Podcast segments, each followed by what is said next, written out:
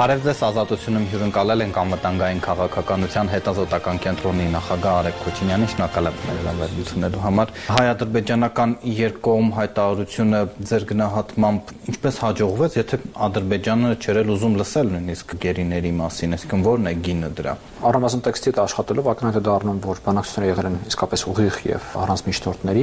Ճնշում չի եղել Բաքվի վրա։ Չեմ բացառում, որ ճնշում եղել է որպես սենյակից դուրս, բայց սենյակում հենց բանակցողները, ինչքան ես հասկանում, եղել են ուղիղ բանակցություններ։ Չեմ կարծում ճիշտն ասած, թե Ադրբեջանի որոշումը այս փուլում ավելի շատ կապված է ճնշումների, որքան մի քիչ ավելի երկարաժամկետ հաշվարկի հետ։ Լսեք, երբ որ այս որոշումը համադրում ենք Ադրբեջանում արտերտ նախագահական տոստանելու որոշման հետ, ամենատրամաբանական եզրահանգումը գալիս է այն, որ Ադրբեջանը ցանկանում է ժամանակ ցկել։ Ադրբեջանը փորձում է թույլատրել իր վրա արկա ճնշումը 1, փորձում է լեգիտիմ առիթներ ստեղծել առայն որ գիտեք հավելյալ մասնակցայնություն, հավելյալ միջամտություն պետք չի ցուցաբերել եւ կա process, շատ դրական process։ Իհարկե, կարճաժամկետ կդրվածքով սա շատ լավ հանգրվան է, շատ շատ լավ ձեռքբերում է, խոստումնալից ձեռքբերում է, եթե առաջինը լավը վերաբերում է գեների փոխանակման, ապա խոստումնալից է այդ միջազգային հարթակներում միմյանց օգնել, չխանգարել, այդ մոտեցումները մերձեցնել, բայց պետք է հասկանալ երկարաժամկետ կտրվածքում սա ինչին է ծառայում։ Ես ունեմ տպավորություն, որ Ադրբեջանը այս փուլում անում է ամենին ժամանակ ցկցկելու համար, որպեսի բում բանակցային գործընթացը տեղի ունենա հաջորդ տարվա 2024 թվականի ամռանը, որտեղ գարնանը լինելու են ԵՄ խորհրդանի ընտրություններ, ինչը նշանակում է, որ ամռանը դեռևս ձևավորված չեն լինելու ԵՄ գործադիր մարմինները, ինչը սահմանափակելու է ԵՄ մասնակցությունը բանակցային գործընթացին։ Մյուս կողմից նոյեմբերին էլ սպիտակ տան ընտրություններն են, ինչը նշանակում է, որ նահանգները մեղմ ասած զբաղված լինելու իրենց ներքին կյանքով։ Այսինքն ամառը 24 թվականի մի փուլ է, երբ հավաքական արևմուտքը մինիմումին է հասցնելու իր մասնակցությունը մեր տարածաշրջանում։ Դա լավ առիթ է երկու ուղղությամբ աշխատելու համար մեկը մեկից վատ։ Մի վատ տարբերակն է, որ Ադրբեջանը գնալու բաշակի ճնշումների եւ ստանալու այն խաղաղության պայմանագիրը, որը որ մաքսիմալ հնարավորն է իր համար։ Մյուս տարբերակն է, որ Ադրբեջանը գնալու է ընդհանուր մինչեւ ռազմական էսկալացիայի, մարտի դաշտում ստանալու համար այն ամենը, ինչ որ ինքը ուզում է եւ այնց հետո գնալու է խաղաղության պայմանագիր։ Այսինքն ես չեմ կարծում, թե Ադրբեջանը չի ուզում խաղաղության պայմանագիր, Ադրբեջանը ուզում է խաղաղության պայմանագիր, բայց ուզում է իր պայմաններով եւ ուզում է մաքսիմալ կապիտալիզացնել ռազմի դաշտում իր հաղթանակը բանակցային գործընթացում։ Որն է այդ մաքսիմալը, պարոն Քոչինյան։ Ես կարծում կա երկու ծրագիր, մինիմում ծրագիր եւ մաքսիմում ծրագիր։ Մինիմում ծրագիրը հետեւյալն է. Ադրբեջանը ցանկանում է հայ-ադրբեջանական սահմանը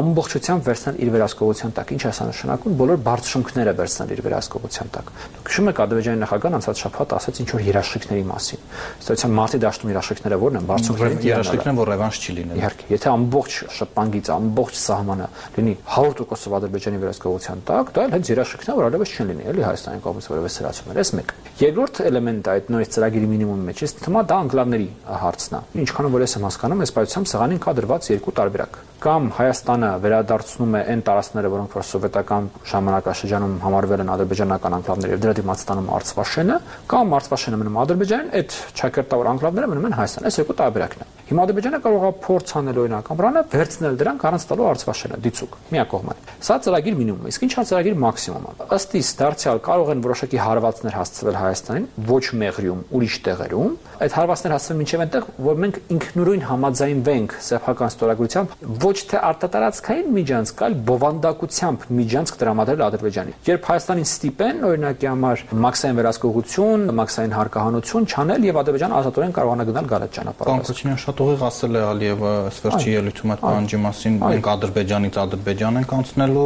ճանապարհը դերն է, բայց մի մաքսիմալ իրավունքն է, այո։ Այս փուլում Ադրբեջանը սրանք ստանալ չի կարող, որովհետև կա որոշակի ներգրավվածություն Միացյալ Նահանգների, Եվրոպական միության, որ բանի դրանք չեն լինելու, ոնց որ ասի, դրանք իրանց մինիմումին են հասնելու 24 թվականի ամռանը,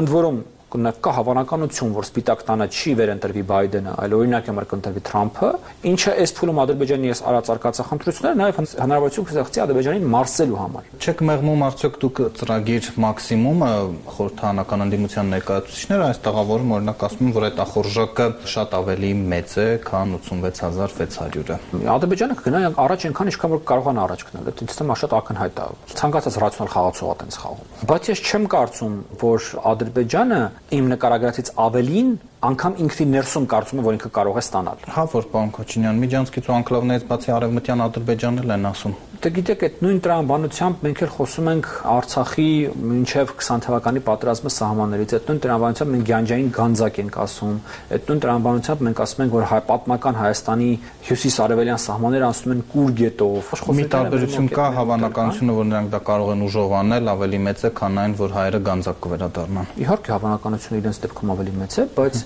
նորից մենք ըստ էության այդ պարագայում խոսում ենք մի պետության կողմից մյուսի ամբողջության դվաճման մասին, որի փորձը մինչև այս պահը արել է միայն Ռուսաստանը հետ համաշխարհային պատերազմի տրամաբանության մեջ։ Եվ դուք տեսնում եք ինչի է դրա դիմաց արժանացել Ռուսաստանը, եւ Ռուսաստանը միջուկային տերություն է, ութնյակի անդամ է, գերտերություն է, հիմա ինչքան է թուլացած, բայց մեկ է, հա։ Ադրբեջանը այդպեսի պետություն չի։ Եվ ես կարծում եմ, որ Ադրբեջանում այդ գիտակցումը, այդ հասկանալը կա։ Նույն տրամաբանությամբ, ինչպես որ դա կար մեր մոտ, երբ օրինակ համար մեր առաջին Արցախյան պատերազմում մենք էինք հաղթում, բայց մենք մեզ լիմիտավորում ենք, մենք հասկանում ենք, որ ճո սահմաններ կա, այդ անցնել մեզ չի կարելի։ Դուք համաձայն եք քննադատության հետ, որ հայտարարությունը երկկողմանի նաև առաջին ազդակն է, որ բանակցությունները շարունակվելու են առանց միջնորդի, այսինքն Երևանը զիջել է Բաքվի այդ պահանջը։ Ես չի շտապ ճիշտ ասած նման պնդում անելու, որովհետև մենք տեսանք, որ Օբրայանը համենայնպես Բաքվից վերադառնալուց հետո հայտարարություն այց որ սպասում ենք Վաշինգտոնում, եւ ճիշտ ասած առաջիկա շաբաթների եւ ամիսներին Վաշինգտոնում ու Բրյուսելում հանդիպումների արկայությունը կամ բացակայությունը կտա այդ հարցի պատասխանը։ Ես կարծում եմ, որ Երևանի համար պետք է որ առնվազն ավելի ընդունելի լինի Բաքվի հետ ուղիղ բանակցությունները, քան Մոսկվայում բանակցությունները։ Ես ասեմ ավելին, ինձ համար նույնիսկ ավելի ընդունելի է Թուրքիայի եւ Բաքվի հետ ուղիղ բանակցությունները, քան Մոսկվայում բանակցությունները որտեղ ավելի լավ է գոնե երկու ճշտամու հետ բանակցել, քան երեք ճշտամու հետ բանակցել։ Բայց իհարկե մեր պլան ան պետք է լինի Բրյուսելը եւ Վաշինգտոնը, կապրենք կտեսնենք Բրյուսելը եւ Վաշինգտոնը ստացվում է թե չի։ Ես կարծում եմ այդտեղ դեռ մի քիչ շուտ է վերջակետ դնել համենայն դեպս։ Չէ կուրճացնում արդյոք դուք Մոսկվայի վտանգը, որ նրանք թշնամի են, որտեղ տեսեք, եթե նրանք չմիջնորդեն, դա մի պետություն է, որը կարող է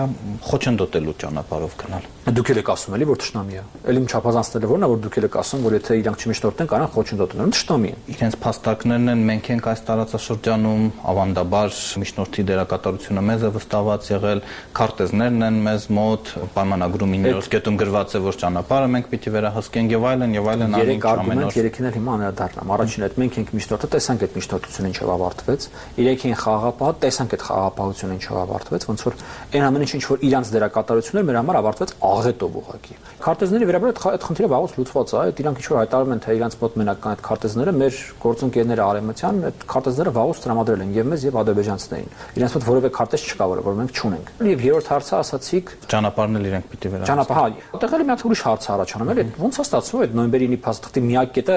այդ է ու դա էլ մենք պետք է իրականացնենք։ Այսինքն մնացած ոչ մի բանը չկա, այսինքն այդ փաստաթուղթը ընդհանուր առմամբ Արցախի մասն է։ Իսկ կա փաստաթուղթ, որը Արցախի մասն է մի կետը վերաբերում է Հայաստանին։ Հիմա ուրեմն Արցախը ընդհանրապես չկա, Բայց այդ 9-րդ կետը պետքա ուժի մեջ մնա։ Դա չի աշխատում էլի դա տենց։ Եթե մենք պետքա այդ թեմաներով խոսանք, ես գտնում եմ որ ավելի ճիշտ է այդտեղ Ադրբեջանի եւ Թուրքիայի հետ ուղիղ խոսալ, հասկանալ իրանք ինչ են ուզում եւ փորձել իրանց հետ պայմանավորել, որտեղ որտեղ արանքն մի հոգի մտնում այնքան իրար շահնաստանում, դու ստացվում համ նրան է զիջում, համ նրանց է զիջում։ Եվ ավելի լավ մենք նրան ում որ պետքա զիջենք, նա հետ ուղիղ խոսանք, ոչ թե մի հատ միջնորդին ինչ որ բան տանք։ Իսկ Վաշինգտոնը լծակներ գործադրում է Բաքվի դեմ նրանց կանչելու բանակցությունների, ես դες ուզում եմ հիշեցնել, թե ինչ տոնով էին Ադրբեջանից պատասխանում Միացյալ Նահանգների իշխանություններին։ Կարծում եմ, որ եթե նահանգներում ցանկանան, իրենք կարող են ամեն դեպքում Բաքվին Վաշինգտոն հրավիրել, ինչքան էլ ժամանակները փոխվել են եւ աշխարհը այլևս միաբևեր չէ, ամեն դեպքում ինձ թվում է, որ եթե Միացյալ Նահանգները ուզում են, որ Բաքուն գա Վաշինգտոնը բանակցություն, իրենք կարող են դա ստանալ։ Իհարկե հարցերի հարցը ձեր բարձրացրած հարցն է, իրենք դա ցանկանում են թե չէ, ավելի ճիշտ ոչ թե ցանկանում են թե չէ, իրենք դա ցանկանում են։ Իրենք դա ինչքան են ցանկանում, իրենք ինչքան քաղաքական կամք եւ էներգիա են պատրաստ ներդնել դա ստանալու դիմաց։ Եվ եթե չեն ստանում, ինչեւ ուրեն պատրաստ գնալ իրականում ինձ թվում է ամենաճիշտ ձևակերպումը այս սա է, եթե ամերիկացիները չեն ստանում այն Ադրբեջանից, ինչ որ իրանք ուզում են, այսինքն գալ Վաշինգտոն բանակցելու եւ խաղաղության պայմանագիր ստուգել, հա, այ մինչեւ իրանք ուն են պատրաստ գնալ։ Օրինակ իրանք պատրաստ են Հայաստանի հետ հիմնական ոչ նատոյական դաշնակցի կարգավիճակ ստուգել եւ սկսել օրինակ զինել Հայաստանը։ Պատրաստ են թե պատրաստ չեն։ Մենք այն պատմական փուլում ենք ապրում, երբ որ այդ հարցի պատասխանը մենք ստանալու ենք։ Լինում է Վաշինգտոնը բանակցություններ, եթե այո, ապա դա մի պատասխան է, եթե չի լինում, ինչ հետևանքներ են լինում, դա նույնպես պատասխան է։ Այսինքն երկու ուղղություն հարցումների պատասխաններն էլ մեզ համար ըստ էության շփատների մաքսիմում ամիսների հարց են եւ հասկանալի է դառնում նահանգները ստանում են այդ բանակցությունները թե չեն ստանում եւ եթե չեն ստանում ինչու ուր են գնում ինչու ուր են պատրաստ մեզ հետ աշխատելու Ձեր ընդդիմախոսներն ասում են որ այդ հարցի պատասխանը հնչել է այս տարի սեպտեմբերին երբ Միացյալ Նահանգները ասում էր որ չի հանդուրժի էթնիկ զտումը Արցախում բայց հանդուրժեց Իմ ընդդիմախոսները իրավացի են բայց իմ ընդդիմախոսները դա ասելով զուգահեռ պետքա նաեւ ընդգծեն եւ նշեն կլինի, եթե իրենք տեղյակ են բանակցային գործընթացին, որ առնվազն բանակցային գործընթացում, ես չգիտեմ դա հրաապարական ասվել է թե չէ, նահանգները միշտ են մեզ ասել, որ Արցախյան պատմության իրանք չեն խառնվելու։ Իրանց համար կարմիր գիծը Հայաստանի տարածքային ամբողջականությունը, բայց Արցախյան թեմատիկայի մեջ իրանք չեն մտնելու։ Ինչ է տալիս հապկին բոյկոտելը, նիստերը, դեմարշը, եթե Երևանը չի ծրագրում այդ կազմակերպությունը լքել։ Ես ինձ էլ այդ հարցը շատ վաղուց տանջում, եթե մենք չենք պատրաստվում դուրս գալ, ինչ ենք մենք այս ամեն ինչը անում։ Զվարճակարգը մեզպեսի ոչ ունի, որ ավելի շատ ճշտ դրվում է հայտարարությունների, ձևի, ընդունելության, այսպիսի բաների վրա, քան բովանդակության։ Հիմա տեսեք, համարյա 1 տարի է Հայաստանը բոյկոտել է հապկի բոլոր աշխատանքները։ Թեպետ այնպես չի որ ոչինչ չի ստորագրել։ Չի գնացել միջոցառում, բայց այնպես չի որ ոչինչ չի ստորագրել։ Տապալել է, վետոները դրել եւ այլն, դա էլ չի եղել։ Դա էլ չի եղել, այո։ Սա պետքա որոշակի հանգրվանի հասնի հասկանաք անտրամաբանականը միջազգային հարաբերությունից չի կարելի այդպեսի անտրամաբանական հիմա եթե մենք օրինակ վաղը սկսենք մասնակցել այդ նիստերին то սերա հասունացման տարիքում գտնվող անչափահասի տպավորություն է գործում էլի այդ այդ այդ ամեն ինչը հիմա սա պետք է որոշակի հանգրվանով ավարտվի այդ հանգրվանը ամենատրամաբանական հանգրվանը հապկից դուրս գալն է եւ դրանից հետո ԵԱՏՄ-ում ու ԱՊՀ-ում օրինակ եմ մեր աշխատանքները լրիվ բնականon ոչով շարունակելը մեղմելու համար Ռուսաստանից հնարավոր արձագանքները երկրորդը այս ամեն ինչին զուգահեռ գիտեք ինչն է ինձ համար ամենաէականը եւ ամենաակտուալը դա Հայաստանի դիմադրողունակության մակար մակարդակի ավելացումն է։ Ընդ որում սա ինչ որ այսպես абստրակտ մեծություն չի, սա շատ կոնկրետ գործողություններ է։ Երեք ուղղությամբ ասեմ, եթե թույլ տաք։ Ուրեմն առաջինը. Հայաստանում քրիտիկական նշանակության ենթակառուցվածքներում Ռուսաստանի դերակատարությունը։ Գազամուղ, երկաթգիծ,